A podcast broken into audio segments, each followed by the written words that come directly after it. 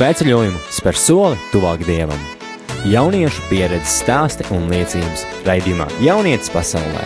Maijā, sestdienās, 8. vakarā.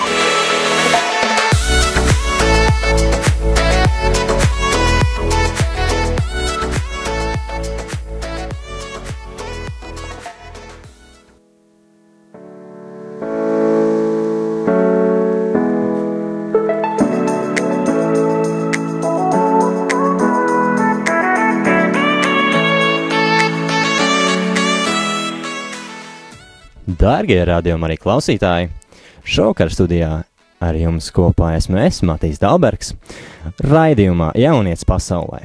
Šajā četru raidījumu ciklā ar mums dalīsies jaunieši, kuri ir spēruši tuvāk dievam, iepazinuši dievu caur svētceļojumiem. Šovakar mums ir viesi, kuri dalīsies ar savu pieredzēto svētceļojumu uz Meģikori. Šis svētceļojums pirmo reizi tika organizēts diezgan netradicionālā veidā. Svētceļojuma mēģis bija apvienot garīgo un laicīgo. Arī arhibīskaps Brīņos Sankevičs šim svētceļojumam deva svētību, un šis svētceļojums izmainīja vairāku jauniešu dzīvi. Tādēļ aicināsim studijā mūsu šī vakara viesus Elizabeti Jābolu, Čau, Elizabete! Čau! un Francesku Kusti. Čau! Bet tagad dziesma, un tad jau turpināsim.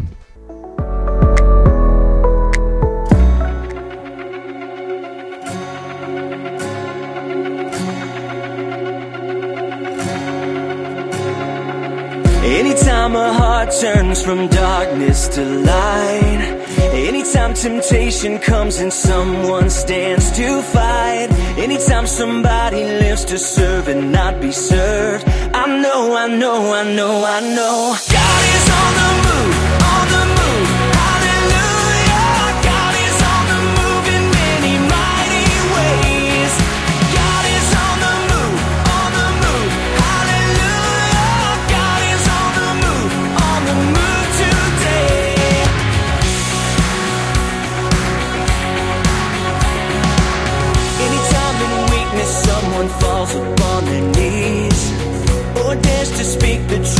Sets men free. Anytime the choice is made to stand upon the word,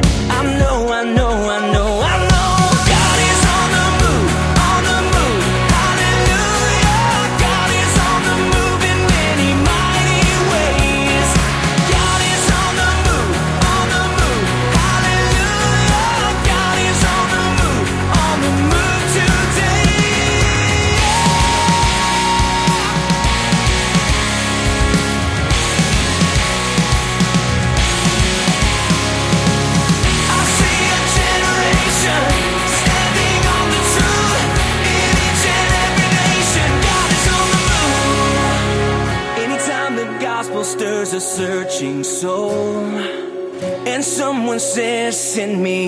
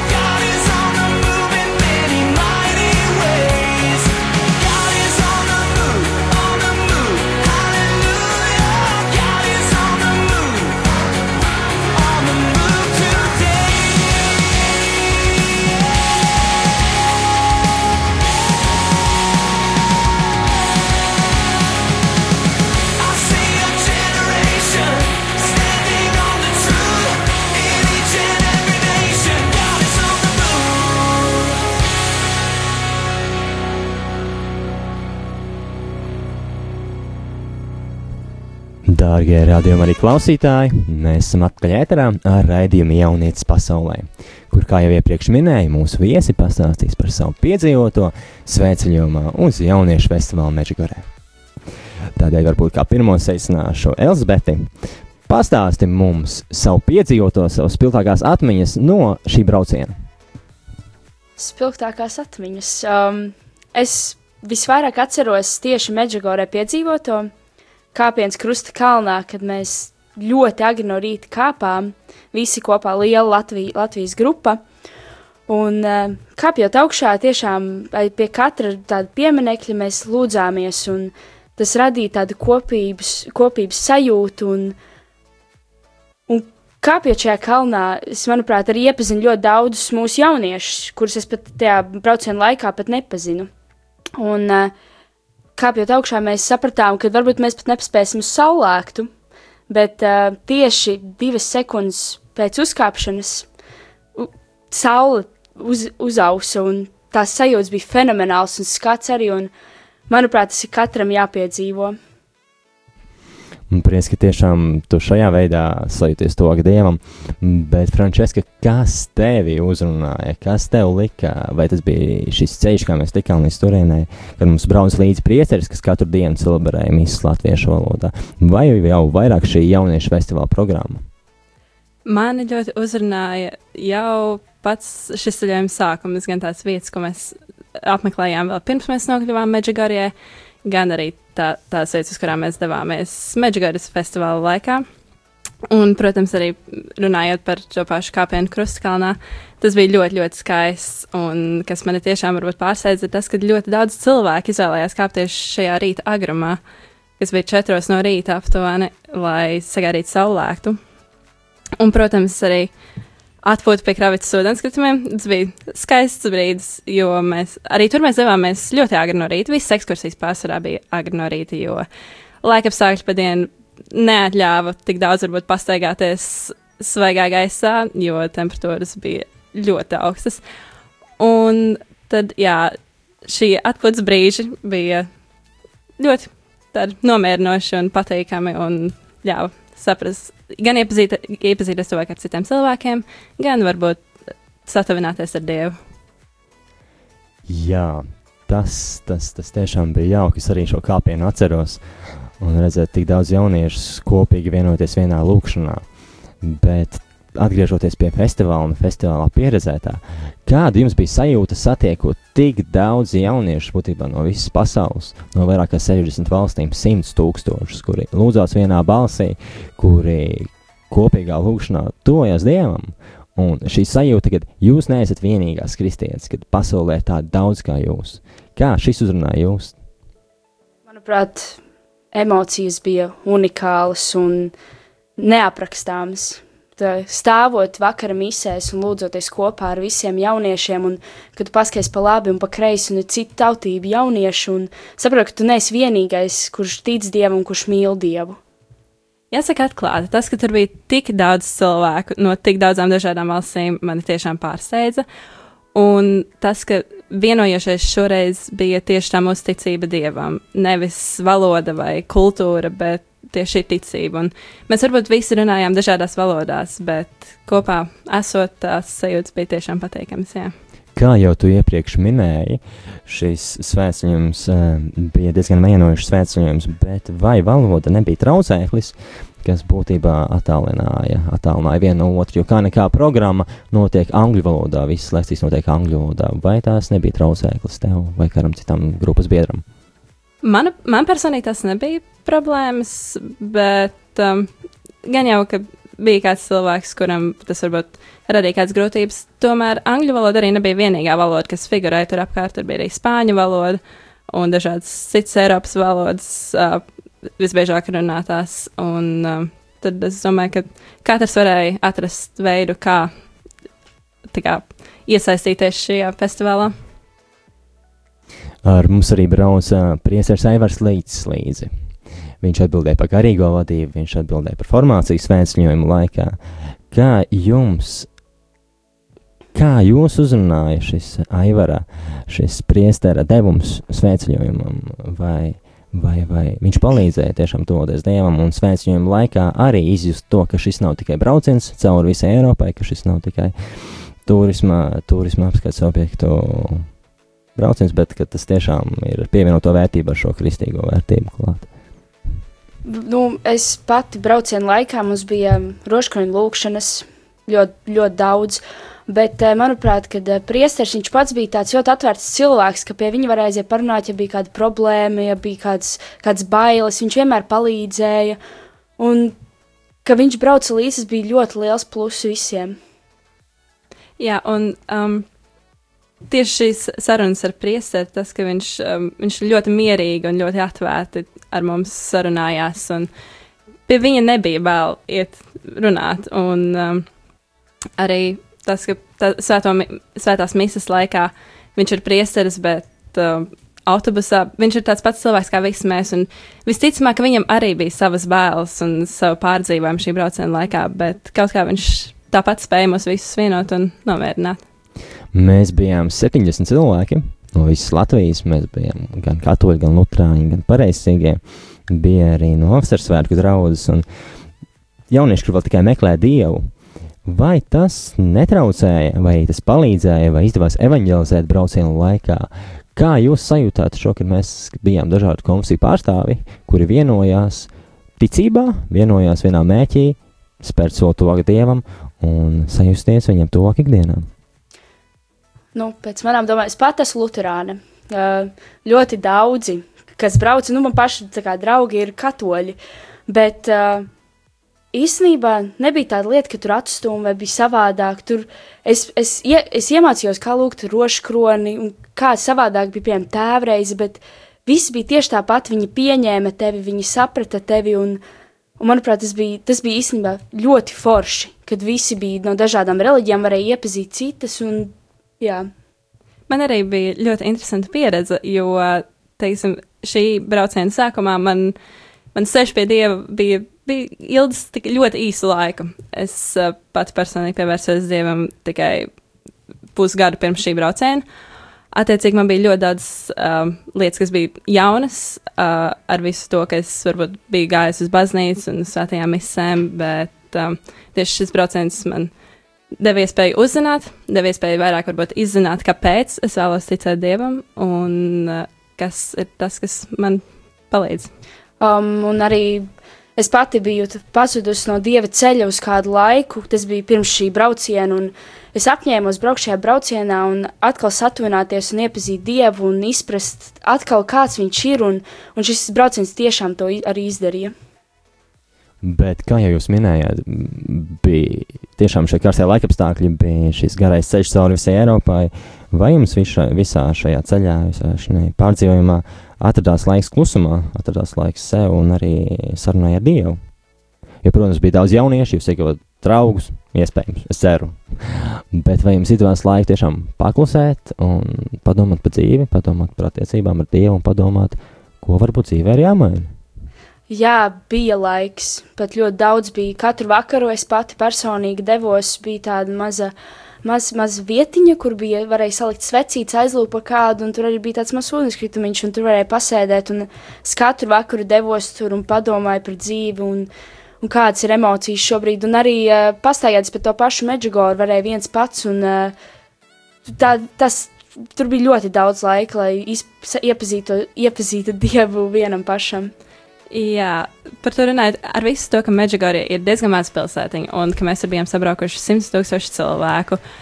Tāpat pasaigājoties kaut vai vienam pašam, šīs sajūtas ir nu, neaprakstāmas. Es to nevaru salīdzināt ar to, ko, ko, ko mēs iegūstam visi kopā. Tas ir, ir nepieciešama gan šī būšana kopā, gan individuālās lūkšanas, un tas viss ir iespējams šī festivāla laikā. Jā, Nu, tad runājot par draugiem, vai jums izdevās tiešām iepazīties ar draugiem? Varbūt ne tikai no Latvijas, bet arī, bet arī kādu no citiem šiem jauniešiem no visas pasaules, pie kuriem jūs varētu braukt nākamgad un atgriezties un atkal satikt. Personīgi man ir tā, es pirmo reizi devos pirms astoņiem gadiem, un pirmā reize es ieguvu divus tādus diezgan labus paziņas, kur jau tagad man izveidojušies par draugiem. Es pie viņiem dodos, viņus apciemoju, un mēs gadā reizi noteikti tiekamies Meģigorē, un, un, un tad jau, tad jau iespējams vēl kādreiz aizbrauc pie viņiem ciemos. Vai jums izdevās izveidot draudzību ar kādu, iepazīties ar kādu?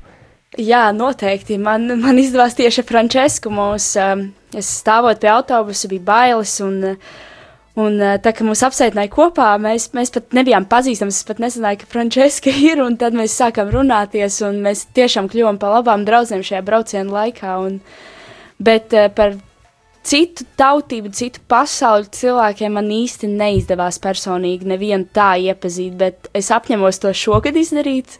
Un, jā. Jā, stāvot pie autobusa ārā. Manuprāt, Elizabete zināja, pazina cits cilvēks, kas brauc šajā Jā, braucienā, jā. bet man tas bija pilnīgs jaunums. Es nepazinu absolūti nevienu. Un uh, man, man, man bija prieks, ka man tas apsēdināja blakus Elizabetei, jo viņa bija jauks cilvēks. Un bija ļoti patīkami ar viņu pavadīt trīs dienas braucot autobusā. Festivālā uz vietas. Um, tā ka draugi vēl varbūt draudzības neizveidojās, bet, manuprāt, aizbraucot šogad būs cilvēki un sejas, ko es atpazīšu.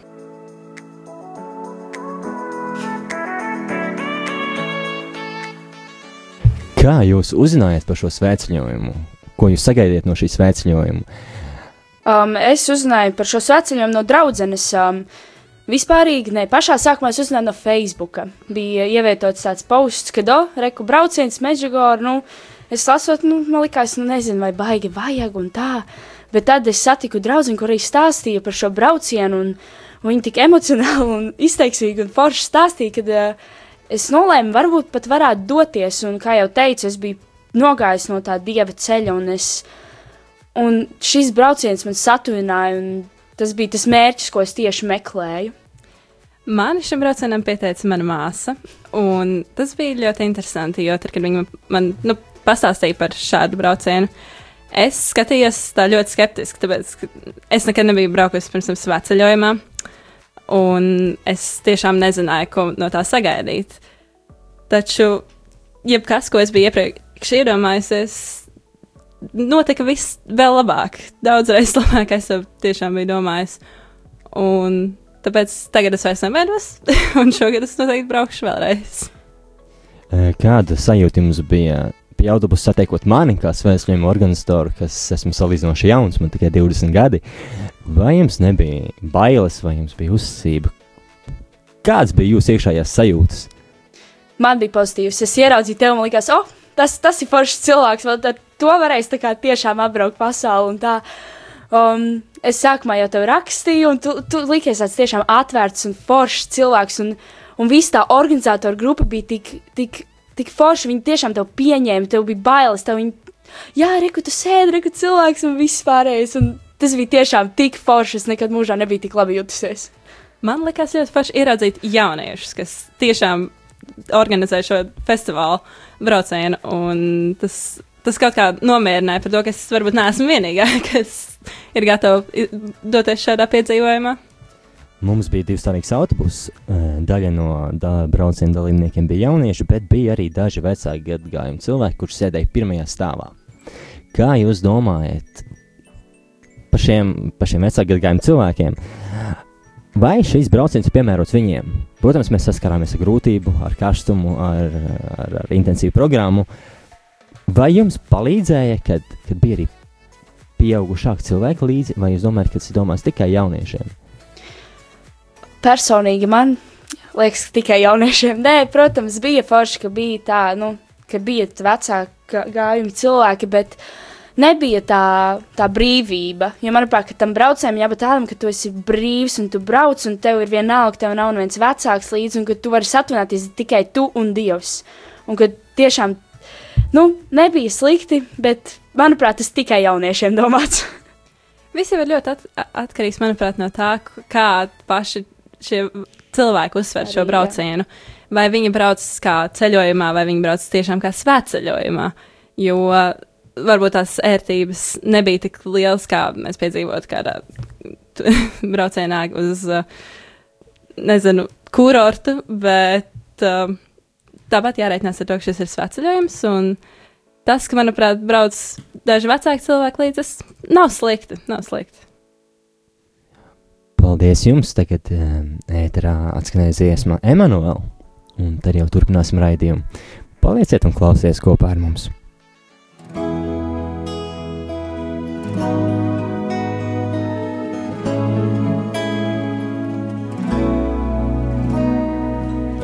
L'orizzonte è una grande luce, viaggia nella storia e lungo gli anni vinto il buio facendosi memoria illuminando la nostra vita, chiaro ci rivela che non si vive se non si cerca la verità.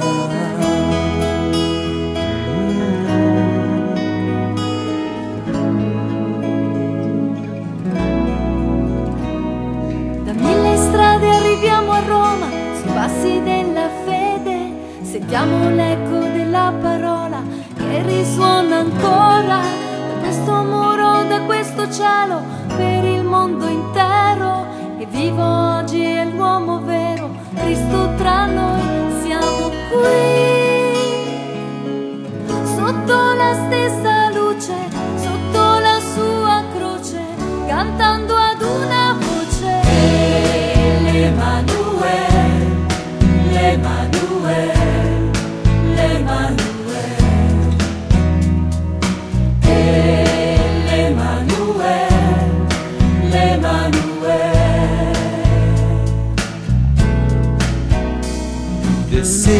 which has poured out its lifeblood out of love and has transformed the ancient world will send us on our way. By following Christ together with Peter, our faith is born again. The living word that makes us new and grows in our hearts.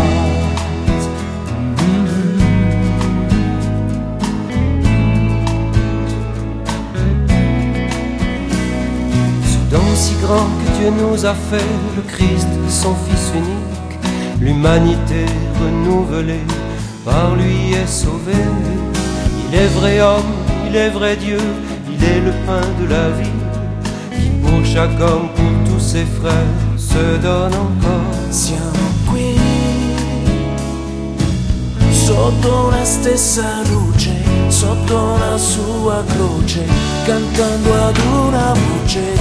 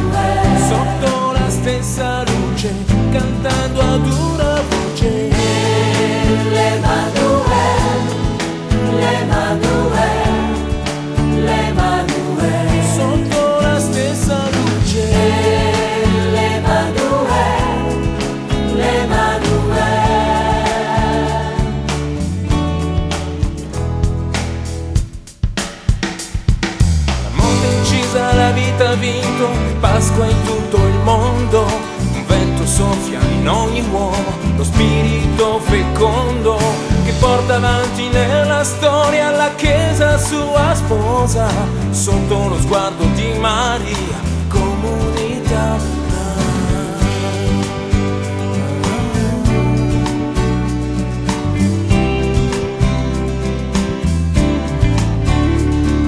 Noi debitori del passato, secoli di storia, vite date per amore, di santi che han creduto, di uomini che ad alta quota insegnano a volare, di chi la storia sa cambiare come Gesù.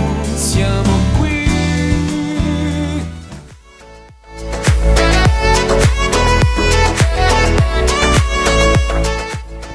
Dārgie arī klausītāji, ar jums studijā vēl joprojām esmu es, Matīs Dālbergs, raidījumā Jaunietis pasaulē. Šī raidījuma daļā pievērsīsimies vairāk jauniešu festivāla programmai, kas mūs sagaidīja uz vietas. Varbūt tu, Elizabete, vari pastāstīt par piedzīvoto, par to, kas bija šajā programmā, kas tev uzrunāja, kas, kas ne tevi tik ļoti uzrunāja, ko tu apmeklēji un ko tu ieteiktu jauniešiem apmeklēt, pievienoties mums nākamgad. Jā, um, programma tieši šī festivāla bija visas dienas garumā. Sākās ar rīta, rīta misēm, pa vidu bija dienām arī cilvēki stāstīja par Dievu un par to, kā Dievs izmainīs viņus un kā, kā viņi satikuši un sastapuši Dievu. Un tieši vakara pusē bija vakara mises, kurās parasti, nu, vismaz lielākā daļa no jauniešiem piedalījās. Un šajās vakara misēs, šajās vakara misēs tās emocijas un sajūtas ir pilnīgi savādākas nekā no rīta. Tāpēc tieši jauniešiem iesaku vakara misēs piedalīties. Kā arī pēc vakara misēm bija adorācija, Jā. kas arī bija tāds ļoti re relaksējošs pasākums, manuprāt, un tur varēja tiešām pavadīt laiku lūkšanās. Un ja, tas, bija, ta- tas bija kā tāds nobeigums visai dienai.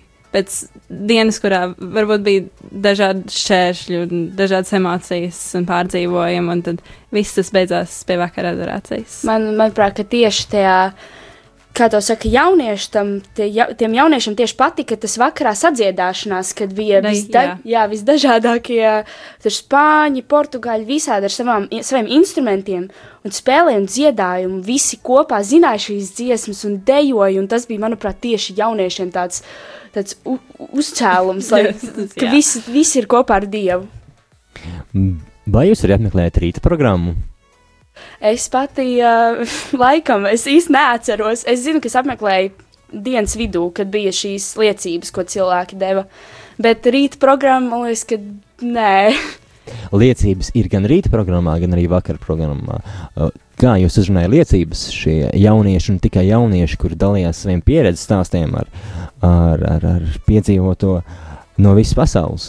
Kā jūs uzrunājat šie stāsti? Liecības bija ļoti dažādas, un tas ļāva sak, saprast to, cik no dažādām vietām mēs nākam un cik dažādas lietas mēs esam piedzīvojuši un ka mēs esam gājuši cauri. Un ka visi mēs beigās vienojamies pie Dieva. Un tas, manuprāt, bija ļoti skaisti. Un tas, kā katrs ir atradzis arī savu ceļu. Un ir gatavs arī par to pastāstīt. Es pilnīgi piekrītu Franceskai.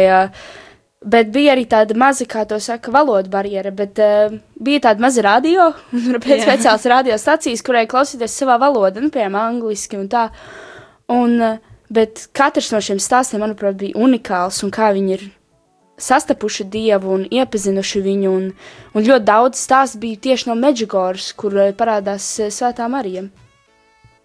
Un šādos stāstos bija arī dažādas cilvēku emocijas, varēja just un redzēt, Izjust, ka viņu sejās ieraudzīt, ko viņi ir pārdzīvojuši, un ka tas tiešām tas, ko viņi stāsta, tas ir no sirds.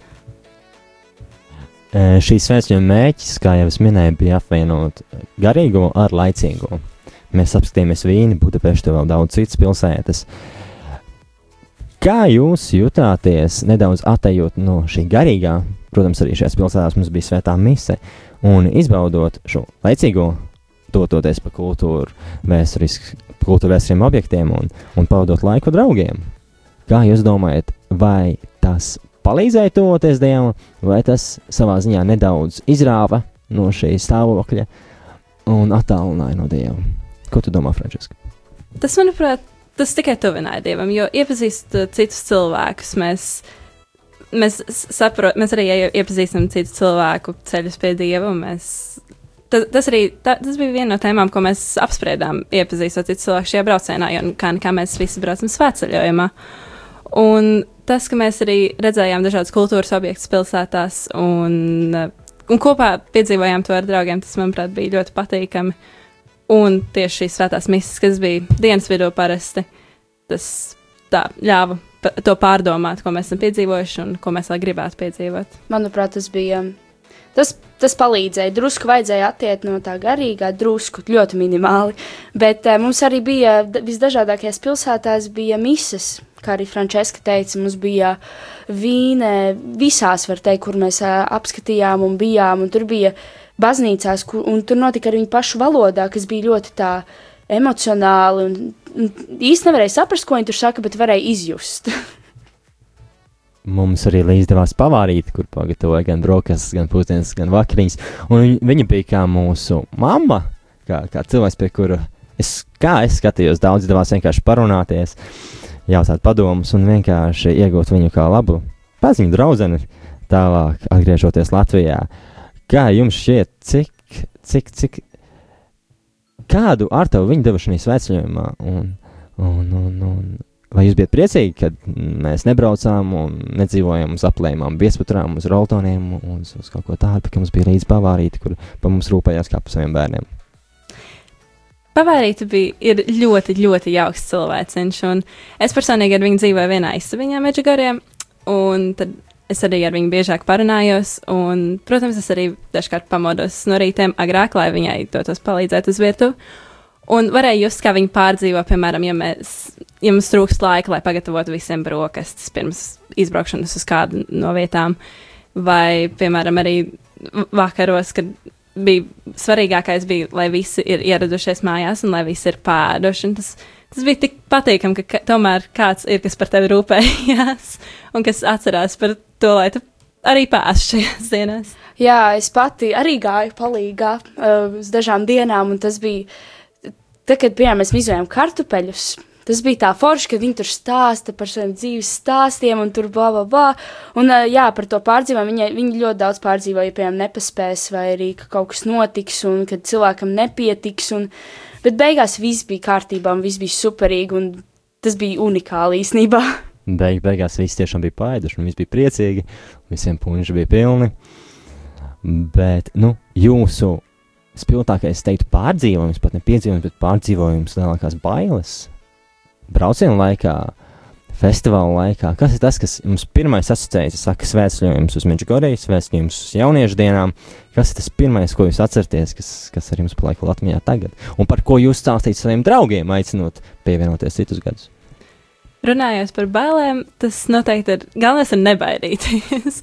Pat ja ir bail, iet un darīt un runāt ar cilvēkiem. Tas, tāpēc, tas, tas, tā ir pieredze. Un šādu pieredzi, jebkur citur iegūt, manuprāt, ir ļoti, ļoti grūti. Jā, manuprāt, tieši Meģigora tā saucamā iespēju zeme, ka tu vari iet un darīt. un tur ir Jā. ļoti atsaucīgi un forši un pozitīvi cilvēki. Un, un tur arī ļoti daudz priesteru no daž, visdažādākajām valstīm, kur tevi uzklausa un saprot. Un, Un nav jau arī vienmēr jāiet pie citiem cilvēkiem, Jā. bet tu vari arī vienkārši mūsu pašu grupā. 70 cilvēki ir diezgan liels skaitlis, un tā kā vienmēr ir jaun, kāds jauns cilvēks, ar ko parunāties. Un šo divu nedēļu laikā ir diezgan grūti pat iepazīt visus šos cilvēkus. pilnīgi piekrītu. Es atceros, ka mm, jūs sākumā uztraucāties, vai autobusā būs pieejams Wi-Fi, vai mājā būs pieejams Wi-Fi, un, un kā mēs varēsim sazināties ar ārpasauli. Jo, kā nekā es jau jums minēju, būs Maskavas ciematiņš, kur ir diezgan maz iespējas, bet nu, galvenais mērķis toties dievam. Šis, šī nepieciešamība pēc ārpasaules, kā jūs to apmierinājāt, kas, kas to aizstāja? Kas bija, vai jums bija vajadzīgs tas internets, vai, vai, vai tas tiešām ir vajadzīgs vēstījums? Pilnīgi nē. Pilnīgi nē, braucot, sākumā, protams, bija tas, nu, kā es tagad, tur nezinu, snapchatā uzturēšu strīku vai kaut tam līdzīgi. Bet, bet tad, kad tu brauc, tu saproti, ka tev to vairs nevajag. Tev ir apkārt cilvēki, kur arī tev tā kā uzkla... jauni cilvēki, un manuprāt, tas bija tik ļoti lieki, piemēram, sēdēt tur internetā un uztraukties, kā tur iet, kas tur un kas tā. Un visi šie jaunie cilvēki, ko mēs viņi uz, uz šīm dienām viņi kļuva kā par ģimeni. Un tā kā nebija pat vajadzīgs tik bieži zvanīt uz mājām. Tu, tu, tu to varēji pateikt vecākiem, nu, ka, jā, nu, es jau varbūt nepazvanīšu šovakar, jo tu, tu, tu gribi iet un tu gribi dzīvot kopā ar tiem cilvēkiem tajā brīdī, kas jā. Mēs esam. Tu, tev negribās varbūt tik ļoti daudz laika pavadīt telefonā, jo tas šķiet kā vienkārši izniekots laiks. Nu, Tieši tajā Meģigorē bija arī ļoti slikta zona. Bija īpašas vietas, kur jāiet, lai varētu sazvanīt savu ģimeni. Bet, uh, manuprāt, ka viņi to saprot un viņi tev kā palaida brīvībā, kā to pasaka. Viņi tā kā, Jā, izbaudīt. jā, pilnīgi pareizi. Programma bija diezgan intensīva. Mēs cēlāmies agri no rīta, devāmies ceļā vai devāmies uh, Krustakalnā.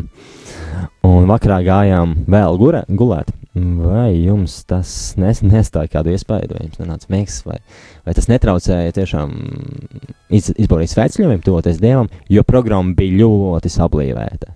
Kā, kā jūs tas iespaidoja? Tieši mani? Nē, tas ir jauniešu pasākums. Manuprāt, ka jaunieši pieraduši, kā to saka, ballēt. Nezinu, mums, man, man, man tieši netraucēja tas, ka mēs gājām vēl gulēt, nagri cēlāmies. Jo tajā nedēļu laikā tu pieradīji jau, un tu saprati to ritmu un to izjūtu. Un, netraucēja. Varētu šķist no sākuma, ka varbūt būs grūti pamosties agri no rīta, jo personīgi es arī esmu cilvēks, kas mīl pagulēt no rītiem. Bet ļoti izsit no līdzsvara jau tās pirmās naktas autobusā.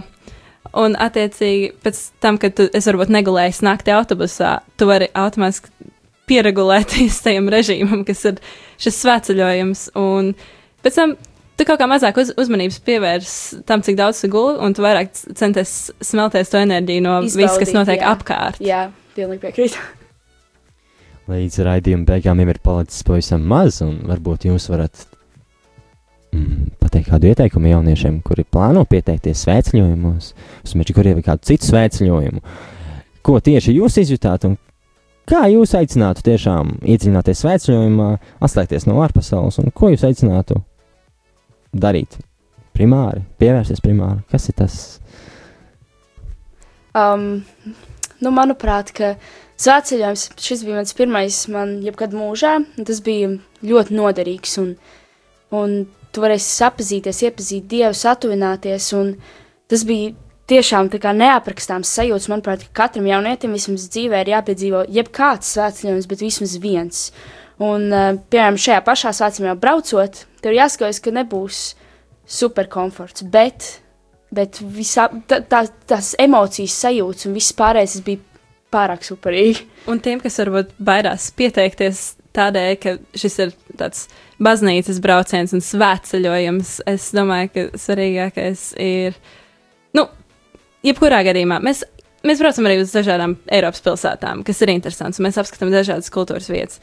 Un, manuprāt, pat ar visu to tu kaut kā pat, pat manuprāt, neticīgais varētu pietuvoties dievam šādā veidā. Jo esot apkārt šiem cilvēkiem, kas tiešām tic un sa sastopot simtus tūkstošus cilvēkus Mežigorjē, nu, nevar būt, ka viņi tur ir aizbraukuši tāpat vien. Manuprāt, ja arī tev ir bailes pieteikties, ka tev tur draugi nebūs un tā. Tas draugs iegūs. Jā, pilnīgi pareizi. Piemēram, es, es pazinu tikai kaut kādus trīs cilvēkus tajā braucienā. Es pat ar viņiem nesēdēju tūmā. Man sasēdināja cilvēkiem, un es viņus visus iepazinu jau pirmajā dienā, un tas bija vienkārši fenomenāli un forši. Un tu sapazīsies tik daudziem cilvēkiem. Un ir pagājis gandrīz gads, un mēs joprojām kontaktējamies ar cilvēkiem. Jā, cik es runāju ar jauniešiem, kuri nav kristieši. Jauniešiem šādi svētceļojumi, šādi kristīgi braucieni šķiet kaut kas ļoti garlaicīgs. Vispār baznīca šķiet kā kaut kas tāds, kur dodas vecāku gadagājumu cilvēki, kuriem dzīve ir problēmas un, un kur nespēja pasmaidīt vai sastīt ko skaistu dzīvē. Un, manuprāt, šīs brauciens un, un, un tīri labi apliecina to, ka mēs esam jaunieši. Mēs esam tādi paši kā pārējie jaunieši, nekristieši. Un, Mums arī patīk jautri pavadīt laiku, mums arī patīk iepazīties ar citiem jauniešiem, un, un, un vakaros sēdēt dārzā, dziedāt, runāties, smieties. Un man ir prieks, ka jūs bijāt kopā ar mums šovakar studijā. Man ir prieks, ka jūs padalījāties savu pieredzi, pastāstījāt šo savu liecību. Un es ceru, ka kādu no jums, radio klausītāji, uzzinās šis stāsts. Varbūt jūs varat padalīties ar saviem draugiem, paziņām. Un, un nākamajā reizē arī aicināsim jūs zvanīt uz ēteru, uzdot jautājumus. Un, un tad jau visi kopīgi. Cerams, ka tiksimies kādā svētceļojumā, kurš izmainīs ne tikai manu šo meiteņu dzīvi, bet arī jūsējo. Paldies, ar jums studijā biju es, Mātīs Dalbergs, raidījumā Jaunietis pasaulē. Tiekamies nākamajā sestdienā, pulkstens astoņos. Caur svētceļojumu spēr soli tuvāk dievam. Jauniešu pieredzes stāsti un liecības raidījumā Jaunietis pasaulē. Maijā, sestdienās, astoņos vakarā.